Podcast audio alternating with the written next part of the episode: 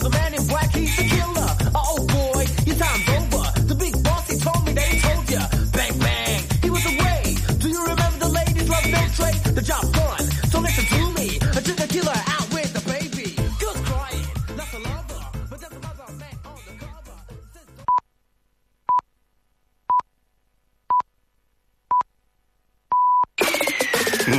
Arenys. Luchad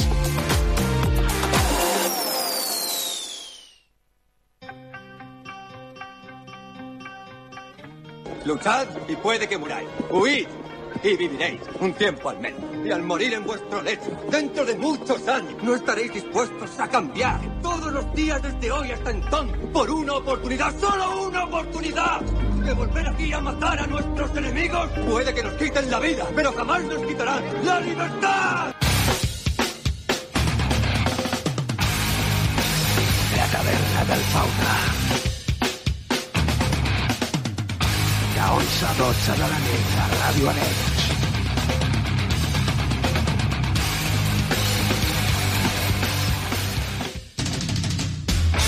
Molt bona nit i benvinguts a la taverna del Fauna. Aquí us parla David Alba, la sintonia del 91.2 FM.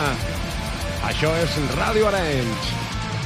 Avui tenim preparat un programa molt especial dedicat al metal en català. Saps que tens les línies habituals de contacte com són la taverna del fauna arroba gmail.com també es pots trobar a l'Instagram i si no pots escoltar el programa des d'aquí pots escoltar-lo a la plataforma d'iVox on també ens pots trobar com la taverna del fauna. Benvinguts! Comença aquest programa de metal en català.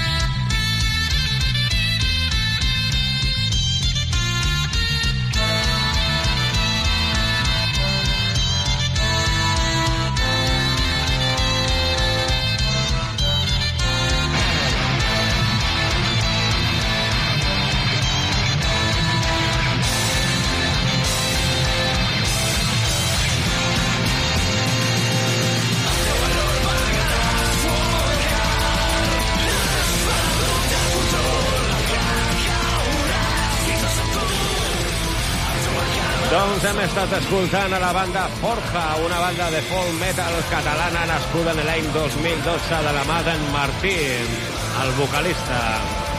Aquesta era la seva cançó Moret. Estreta de l'àlbum que treien en el 2017, l'anomenat El llibre dels Fates. Doncs ara anirem a escoltar la banda Pit Marvel, una banda que es va formar en l'any 2012 de la mà del Jordi Bussot, Johnny Clara, Víctor García i Gerard Pons. Aquesta és la seva cançó Pacte amb el dimoni.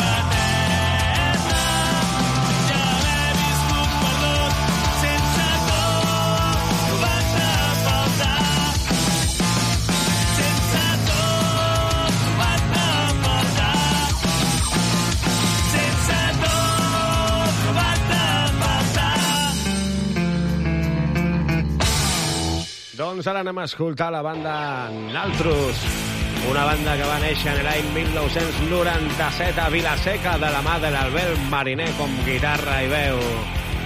Ara escoltarem eh, l'àlbum Quan em mires i la seva cançó Compte de fades. just això a vegades creus que és temporal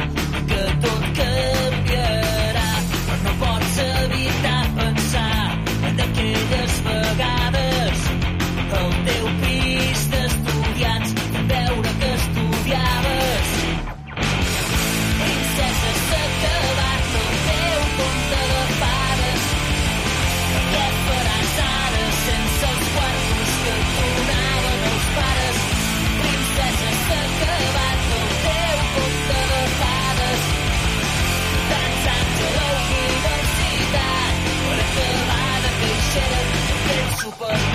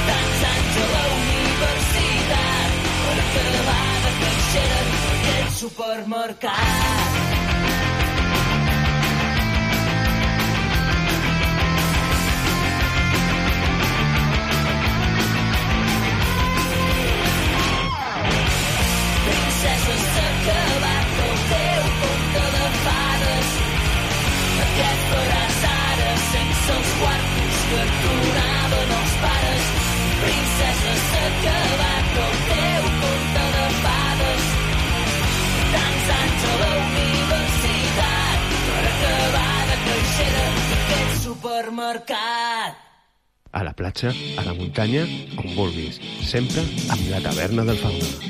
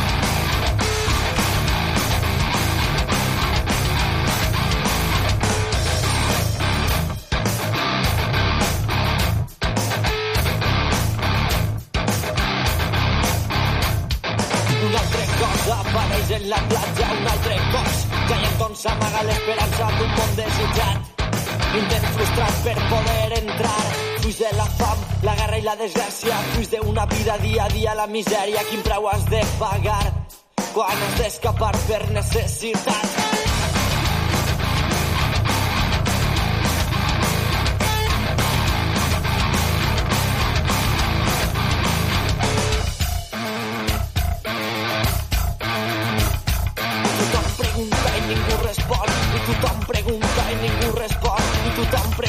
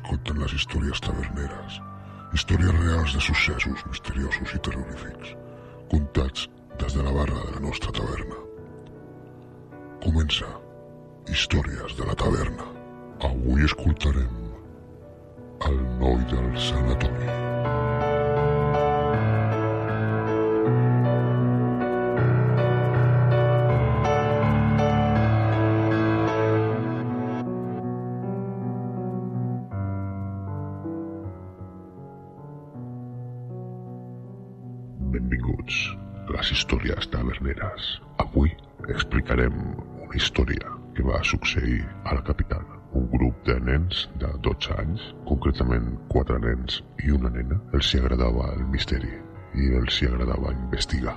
S'anomenaven Raül, Pere, Joan, Fran i la nena Noelia, més coneguda com Noé. Aquella tarda van decidir anar a un edifici abandonat. Era un psiquiàtric que havia estat actiu durant molts anys però que feia un parell de mesos que l'havien abandonat. Van entrar dintre de l'edifici. Ràpidament van veure un rastre de sang al terra. Un d'ells, Fran, va sortir corrents i va marxar. Els astres tres i la nena, que era la més valenta, van continuar cap a dintre. Van arribar a una porta molt gran amb una inscripció al sobre que posava In nomini pate en filo amb Espíritu Santi. Van obrir la porta i es tractava de la capilla del psiquiàtric. Ràpidament van veure que hi havia una creu plena de sang amb moltes flors al voltant.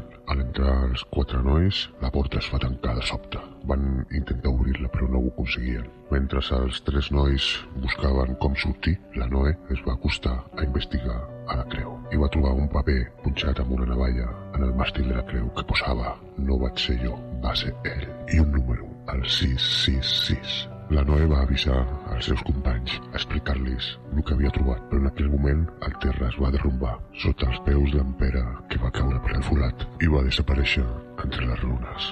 Després del soroll va arribar el silenci, en el qual només s'escoltaven les gotes de les tuberies trencades. En Joan va començar a cridar en Pere, sense obtenir resposta. Raül va decidir baixar per al forat, ajudat per el Joan i la Noé, que es van quedar sols en la part de sobre. Al aconseguir arribar al terra, va començar a moure les runes buscant el Pere sense èxit. Va cridar al Joan i a la Noé, però no va obtenir resposta. Llavors va decidir tornar a pujar. A l'arribar dalt, es va trobar el Joan crucificat a la creu i a la Noé desmaiada al terra. No sabia què fer. El terror li estava calant fins als ossos. De sobte es va obrir la porta i va aparèixer el Frank, que s'havia sentit malament per deixar-los sols i havia tornat. Entre tots dos van baixar el Joan de la creu. Estava molt malherit e inconscient. I la Noé, igual, no la podien despertar tampoc. Van decidir fotre el camp. Cadascú va agafar per l'esquena a un dels altres dos i van sortir d'allà. En aquell moment va aparèixer per el forat en Pere. També estava molt malherit. Tenia un fort cop al cap i un braç trencat. Es van alegrar de tornar a veure'l, però no podien perdre temps. Tenien que marxar d'allà. Al girar cap a la dreta per agafar el passadís que els portava al hall de l'entrada, es van trobar una cadira de rodes en el mig, amb algú sentat a sobre. Era com ells, era un nen més o menys de la mateixa edat. Semblava o dormit o mort. Portava una manta sobre les cames. Estava despentinat, amb un fort olor com que no s'hagués dutxat en molt de temps. Però era l'únic camí per poder sortir d'allà. Sí que van decidir passar per al costat, el més ràpid possible. Primer ho va fer en Raül, que portava la Noé a l'esquena. Va passar corrent sense ni mirar la cadira. Després va passar el Fran, que portava el Joan de la mateixa forma i sense parar-se. I per últim, tenia que passar en Pere, però no va tenir tanta sort, perquè al passar per al costat de la cadira, el noi li va agafar del braç que tenia trencat, provocant-li un dolor insuportable, per lo que va donar un grit aterrador. En Raül i en Frank es van detenir, van mirar cap enrere i van veure com el noi de la cadira tenia agafat en Pere i li estava donant una mossegada al braç. Raül va soltar la Noe i va anar corrents a ajudar en Pere, però el noi de la cadira ràpidament va treure una katana que portava a la cadira i d'un sol cop li va tallar el cap al Raül i amb un ràpid moviment li va tallar el braç al Pere, que va caure desmaiat del dolor al terra. El cap d'en Raül va arribar fins als peus del Frank. Aterrat el Frank va soltar el Joan, que s'estava despertant, i va sortir corrents cap a la sortida. El nen de la cadira es va balançar sobre el Joan i li va clavar la katana en el cor. En aquell moment, la no es va despertar i al veure l'escena dantesca va fer un grit aterrador. El nen es va girar i la va mirar i li va dir No vaig ser jo, va ser ell. ella aterrada li va dir Però qui? Qui ha sigut? no va poder dir res més perquè en aquell moment el noi li va tallar el coll amb un ràpid moviment de la katana. Quan el Frank va sortir al carrer i va avisar a la policia. La policia va arribar ràpidament al sanatori i va trobar tots els cadàvers i una nota que posava «No vaig ser jo, va ser ell». Amb el temps es va saber que quan van fer el trasllat al psiquiàtric va desaparèixer un dels pacients, concretament un que es creia que estava posseït per Satanàs. Mai se li va trobar, ni es va saber res més d'ell. L'única pista és que era un bessó i que tenia un germà de 12 anys anomenat Fran. Fins aquí les històries taverneres. Si vols que recreem la teva història, envia-la al nostre correu latavernadelfauna.gmail.com Fins la propera setmana.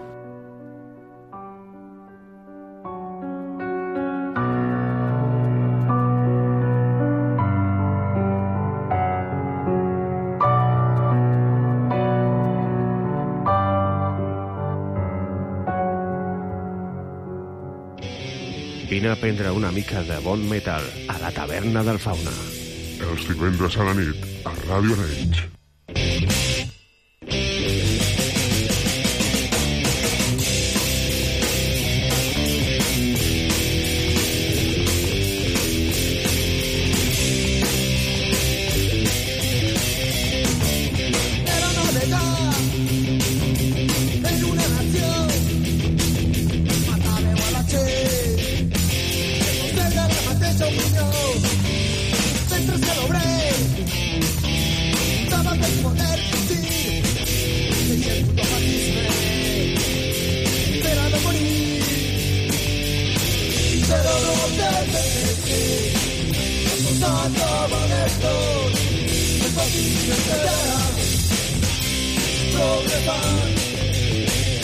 pueden ver. Soy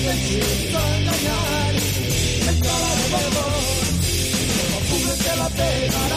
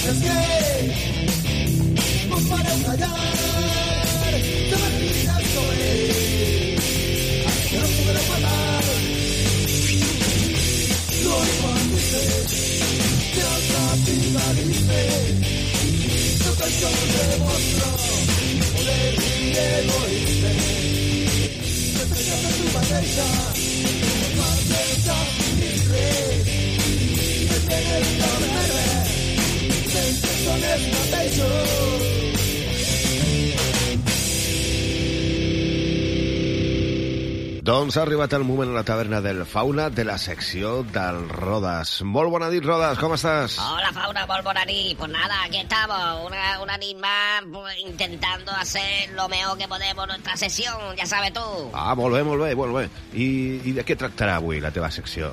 Bueno, pues yo me he dado cuenta que últimamente estáis poniendo muchas cosas de misterio, de suceso y cosas de esas así misteriosas. Y Ajá, entonces, ajá, pues sí, yo sí. me he enfocado a intentar traeros a vosotros la, la respuesta a todas esas preguntas que se hace la humanidad durante tantos millones de años. Ajá. Como por ejemplo, Sí. ¿quién son los superhéroes? ¿Cómo es posible que existan superhéroes y otra gente que somos normales? Molt bona pregunta, Yo sí, senyor. corto una patata y si se me escapa el cuchillo me corto el dedo. Yo también. Y esa gente corta la patata, se corta, se, le escapa el cuchillo y rompen el cuchillo. Oh, sí. Entonces, mm, he investigado y Ajá. traigo a unos cuantos invitados. Bueno, a unos cuantos no traigo a un invitado que nos va a hablar de unos cuantos personajes más que son familia de él, ¿sabes tú? Molt bé, molt bé, em sembla molt interessant. Ah, sí. Torres, et deixo el comandament de la nau i durant una estoneta eh, tu manes aquí. Molt bé, muchas gracias. Muchas gracias. Bueno, pues nosotros vamos a conversar y vamos a darle la bienvenida a nuestro invitado de hoy, que es un invitado muy especial. Como he explicado al principio de la sesión, esto hoy va a ser un estudio, un estudio genealógico de eso que dicen de, de los superhéroes, al menos nacionales. Yo no sé los que habrán fuera de nuestro territorio nacional, pero dentro de nuestro territorio tenemos unos grandes superhéroes. Superhéroes de alto standing. Por ejemplo, al señor que vamos a tener hoy, en las películas de Hollywood y tal, se le llama Spiderman. Aquí, su nombre verdadero es el Chacho Araña. Vamos a ver. Hola, buenas noches, Chacho Araña, ¿cómo estamos? Hola, Rueda, ¿qué tal? Pues estoy muy bien, la verdad que estoy muy bien. Eh, te agradezco mucho tu invitación a este magnífico programa, a este impresionantísimo programa que cada, cada semana sigo yo, pero vamos fielmente no lo siguiente. Porque es que esto aquí, encima, es que el fauna lo hace también, lo hace también. Escucha, pone una música tan, tan, tan penetrante, tan, tan buena, y habla de unos sucesos tan bonitos y, y- y tan maravillosos, que que estaba deseando que me llamase. Yo no sé, que yo, yo creo que han funcionado los poderes psíquicos, que también tengo, que yo por mí dentro estaba diciendo, por favor, por favor, que me llame, que me llame el Rueda, que me llame el Rueda. Y aquí estás, aquí estás. ¿eh? Entonces, pues, nada, pues, aquí a tu, a tu entera disposición para explicarte todo lo que tú necesites saber, de todas las cosas que tú necesites saber. Bueno, pues un poco nos gustaría saber cómo te diste cuenta tú de los poderes que tienes. Bueno, pues un poco esto ya se veía venir, porque ya sabes tú, mi padre fue el rey de los superhéroes. Mi padre se inspiraron los de Hollywood para hacer Superman. Mi padre es el gran superchacho aquí en, en- España.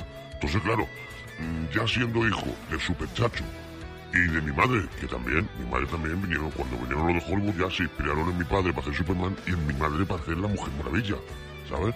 Que mi madre es la grandísima heroína española, conocida aquí en nuestro territorio como la Mujer del Visillo, ya sabes tú. Entonces, claro, yo ya siendo el hijo del superchacho y de la Mujer del Visillo, pues claro, eh, era innato que algo, algo tenía que sacar yo. Y estaba una tarde con mi yayo ahí en el huerto, ya sabes tú, ahí cogiendo patata y esas cosas, y entonces pues metí la mano ahí en la tierra y, y me picó una araña, me picó una araña y entonces pues claro, mm, me pasó los poderes infinitos que tienen las arañas y entonces pues desde entonces pues tengo poderes arañísicos o arañísticos o no sé cómo, cómo podías llamarle, pero vamos que mm, hago así, pum, eh, y, y te lleno todo de telaraña, ¿sabes? Entonces pues claro, para mi madre es un incordio, porque yo desde pequeño, que ya me pasó esos años de pequeño, pues claro, mi madre tenía aquí todo el día detrás limpiando, limpiando, limpiando todas las telarañas que iba dejando, ¿no? Parecía que mm, mm, no- hacía 20 años que no se abría el armario y en realidad era yo que había pasado y lo había dejado todo lleno de telarañas, ya sabes, ¿no? Pero bueno, pero esto a mí me ha servido para muchas cosas en la vida y la verdad, pues que estoy muy, muy orgulloso de los poderes arañísticos que tengo. Ah, pues nos gustaría, nos gustaría saber de qué se tratan esos poderes arañísticos que tiene. Bueno, pues mira, pues yo te explico. Por ejemplo, tengo la fuerza infinita. O sea, yo tengo una fuerza descomunal. Yo soy capaz de parar un tren con un dedo. Yo soy capaz, pues, no sé, tengo una fuerza brutal. O sea, como me, me cabré y te pegue dos tortas, te doy tres vueltas a la manzana, nada más que de la primera torta. Entonces, pues bueno, ese es uno, un gran poder que tengo. Ah, muy bueno, tengo muy el bueno. poder, como te he explicado, de la telaraña, que, Sí. pues, bueno, a ver, la verdad es que no me ha servido para mucho. Ah. Yo, Vaya. eso que se ve en las películas de que el tío lanza la telaraña y se va subiendo por, por los edificios y eso Sí, pues a mí no me hace falta. Entonces, pues yo la verdad, el tema de la telaraña o flo flo, eh, nada más que para reírme de la gente. Pues hostia, por aquí hace mucho que no pasa nadie y acaba de pasar todo el mundo, ¿no? Entonces se piensan que han descubierto ahí, soy arqueólogo, soy Indiana Jones. Soy Indiana Jones que he descubierto una cosa muy misteriosa que hace muchos años y en mentira, decía yo que pasa, oye, pues toca tu telaraña ahí y la gente pues se lo cree. Y después, pues lo que te digo, tengo un poco de poder Ajá. psíquico, porque ya te digo que yo, y eso lo descubierto hace poco, porque yo estaba pensando que quiero ir a tu programa, quiero ir a tu programa, y eh, aquí estoy. Ah, muy bien. Y bueno, pues básicamente esos son todos los poderes que tengo, y, y bueno, mi padre tiene más, ¿eh? mi padre, como ¿Ah, es sí? súper chacho, mi padre tiene todos los poderes. Él Ah. eh, tiene todos los poderes juntos, y él lo utiliza cuando le viene bien, pues corre, vuela, hace de todo. Ah, vuela también, vuela. Sí, sí, vuela, vuela. Vuela, lo que pasa es que vuela eh, en la intimidad, ¿sabes? Ajá. Esto es como aquel que hablaba catalán en la intimidad, como el, el señor Aznar que hablaba catalán en pues, Ah, digo, sí, sí. Padre, habla, digo, vuela, pero vuela en la intimidad. ¿eh? Cuando está solo, él vuela y después viene y no lo dice, ¿sabes? Y, pero él tiene todos los poderes. Y mi madre, pues bueno, mi madre es que, a la mujer del visillo, es que se entera de todo. Mi Ah. madre se entera de Oh, todo. qué buen poder. Cualquier mm, chismor, todo. No le pregunte nada porque lo sabe. No le intente esconder nada porque lo sabe. Oh, bueno, pues mi, mi yayo también tenía muchos poderes. Ah, sí, sí, ¿qué, qué poderes? Se le conocía como el chacho el tractor. Ah. Pues ya te puedes imaginar. Porque mi, mi yayo pues iba con el tractor a todos lados. Iba a comprar el pan y con el tractor. Ah. Y hacía el amor con mi yaya con el tractor. Ah. Todo, todo, todo. Él no se bajaba del tractor nunca. Ya te digo, cuando estábamos recogiendo patatas allí que me picó a mí la, la araña, él iba con el tractor. Entonces, pues bueno, es un sinfín de poderes que tenemos en la familia que no sabemos Ya, bien, ya. bien de dónde nos viene. Claro, no sabemos quién fue el primero. Suponemos, suponemos que mm, pues vendría de un meteorito extraterrestre. claro, o, lo más normal, lo más no sé. normal. Realmente mm, te podría estar aquí explicando milonga Ya. y tú te las creerías todas. Todas, todas. Cuando un superhéroe habla, los demás le creen que ese es otro gran superpoder que tenemos. Señor, sí, señor. El poder de la convicción. Ajá, ajá. ¿Sabes? Algo que necesitarían nuestros políticos pero que no tienen. Eso es verdad, eso es verdad. Entonces, pues, mm, ahí estamos. Nosotros Bueno. tenemos todo ese poder infinito y los de Hollywood, cuando se enteraron, pues vinieron, nos estuvieron preguntando a nosotros y eso, y empezaron a hacer películas de todo tipo con, con los poderes de mi familia. Bueno, bueno, bueno, pues me parece muy, muy interesante. Se nos está echando un poco el tiempo encima porque Oh, tenemos que ir despidiendo ya la sesión, que Vale. tengo aquí al fauna que ya me está mirando con cara de, de un poco cabreado. Así que bueno, pues nada, eh, Chacho Araña, ha sido Dime. un placer tenerte con nosotros hoy. y bueno, Muchas gracias vosotros. esperamos que otro día pues venga con un poquito más tiempo Claro que sí, y claro podamos sí. hablar de más cosas. De lo que tú ¿Te quieras. parece bien? Me encantaría. Bueno. Muchas gracias. Pues venga, chavalote. Hasta otro día. Un abrazo, ¿eh? Adiós, igualmente. y al resto de compañeros de la emisión de aquí de la taberna del Fauna, me despido también, Fauna. Ten mucho cuidado, que Sí, vaya muy bien todo y nos vemos la próxima semana, ¿eh? Bé, Venga, adeu, adeu, adeu. Vinga, Rueda. adeu, adeu, Rueda, adeu. Moltes gràcies, Roda. Ens tornem a trobar la propera setmana. Nosaltres continuem i ho farem amb molta més música.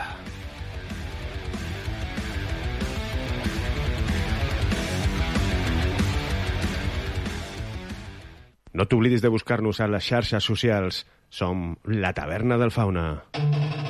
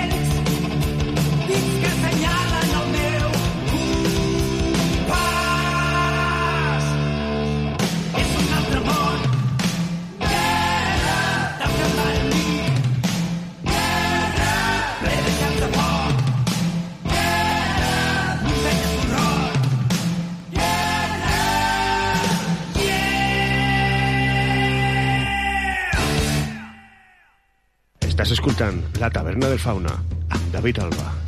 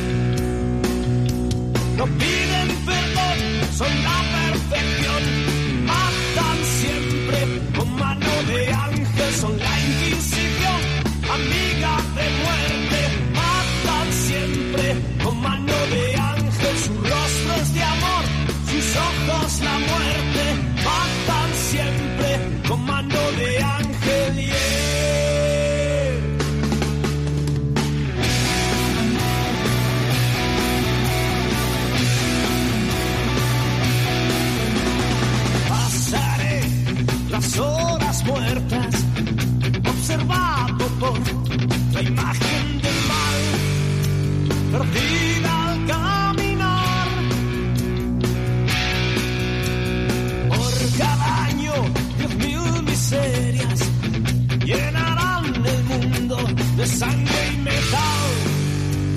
Los soldados de Dios, mientras suenan las campanas que nos dan el olvido eterno. No piden perdón, son las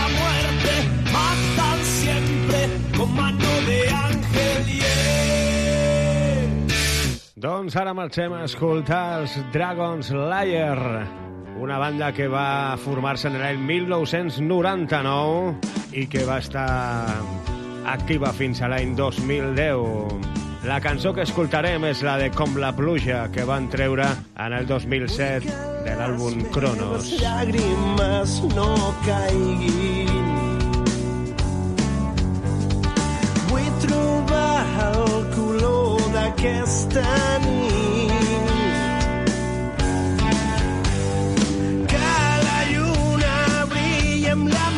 Já força.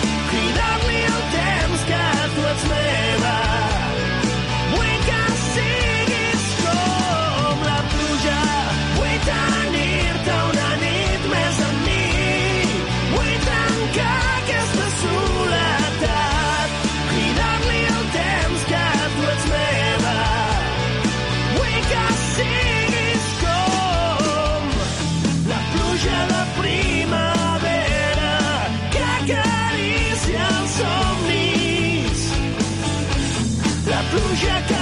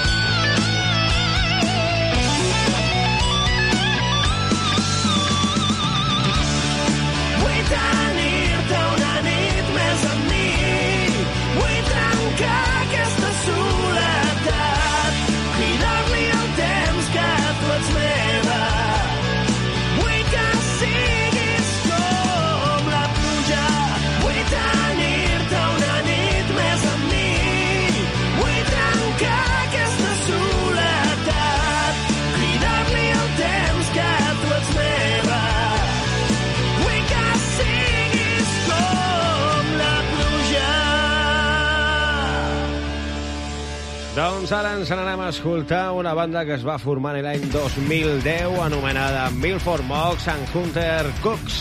En el 2015 van treure un àlbum anomenat Benvolgut Ciutadà i aquesta és la cançó que dona títol a aquest àlbum. Milford Mox i Hunter Cooks.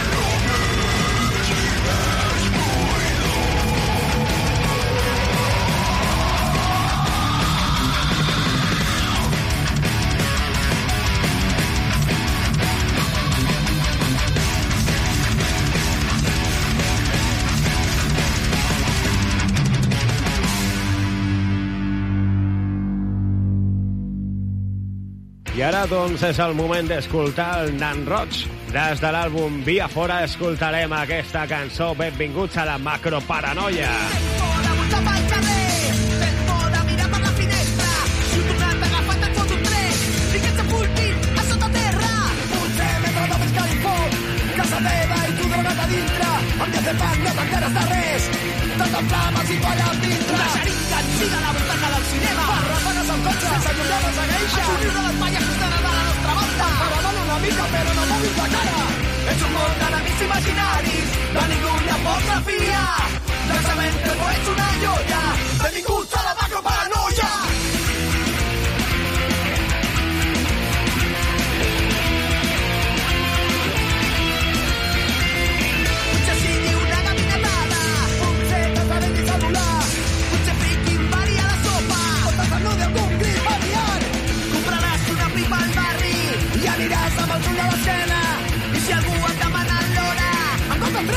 tres, amortitza l'eina. Veies al nord, a les discoteques, que no et fiquin droga i et despertis sota terra. No cagues a persones que no coneixes. No et treguin els ronyons i deixin a la banyera.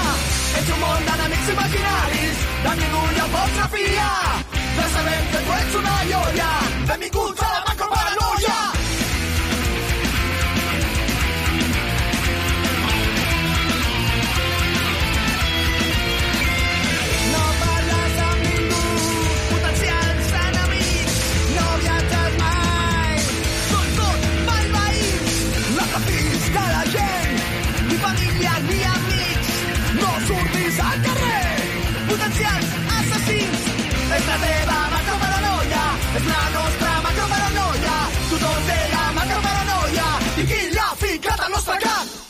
Doncs acabarem amb la mirada de Medusa.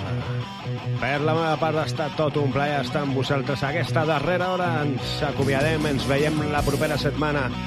Això estat tota la taverna del Fauna. Sigueu bons, porteu-vos bé i que passeu un bon cap de setmana. Agur, ens veiem la propera. Adéu-siau. Diuen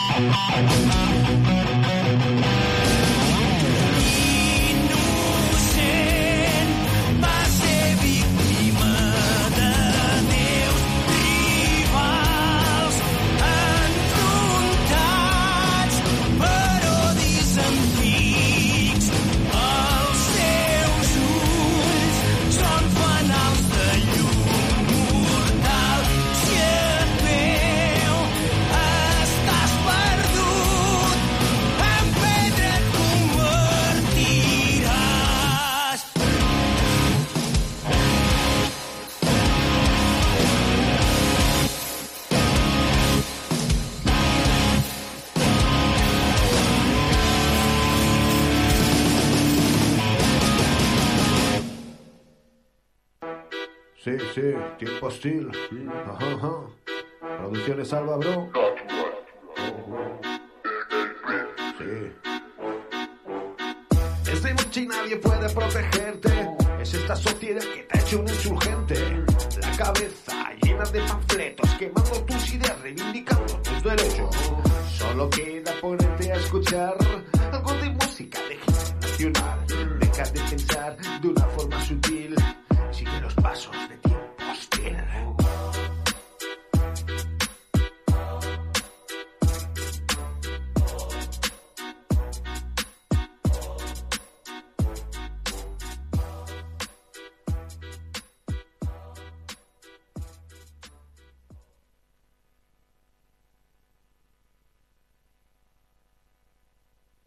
Escoltant Radio Arenys.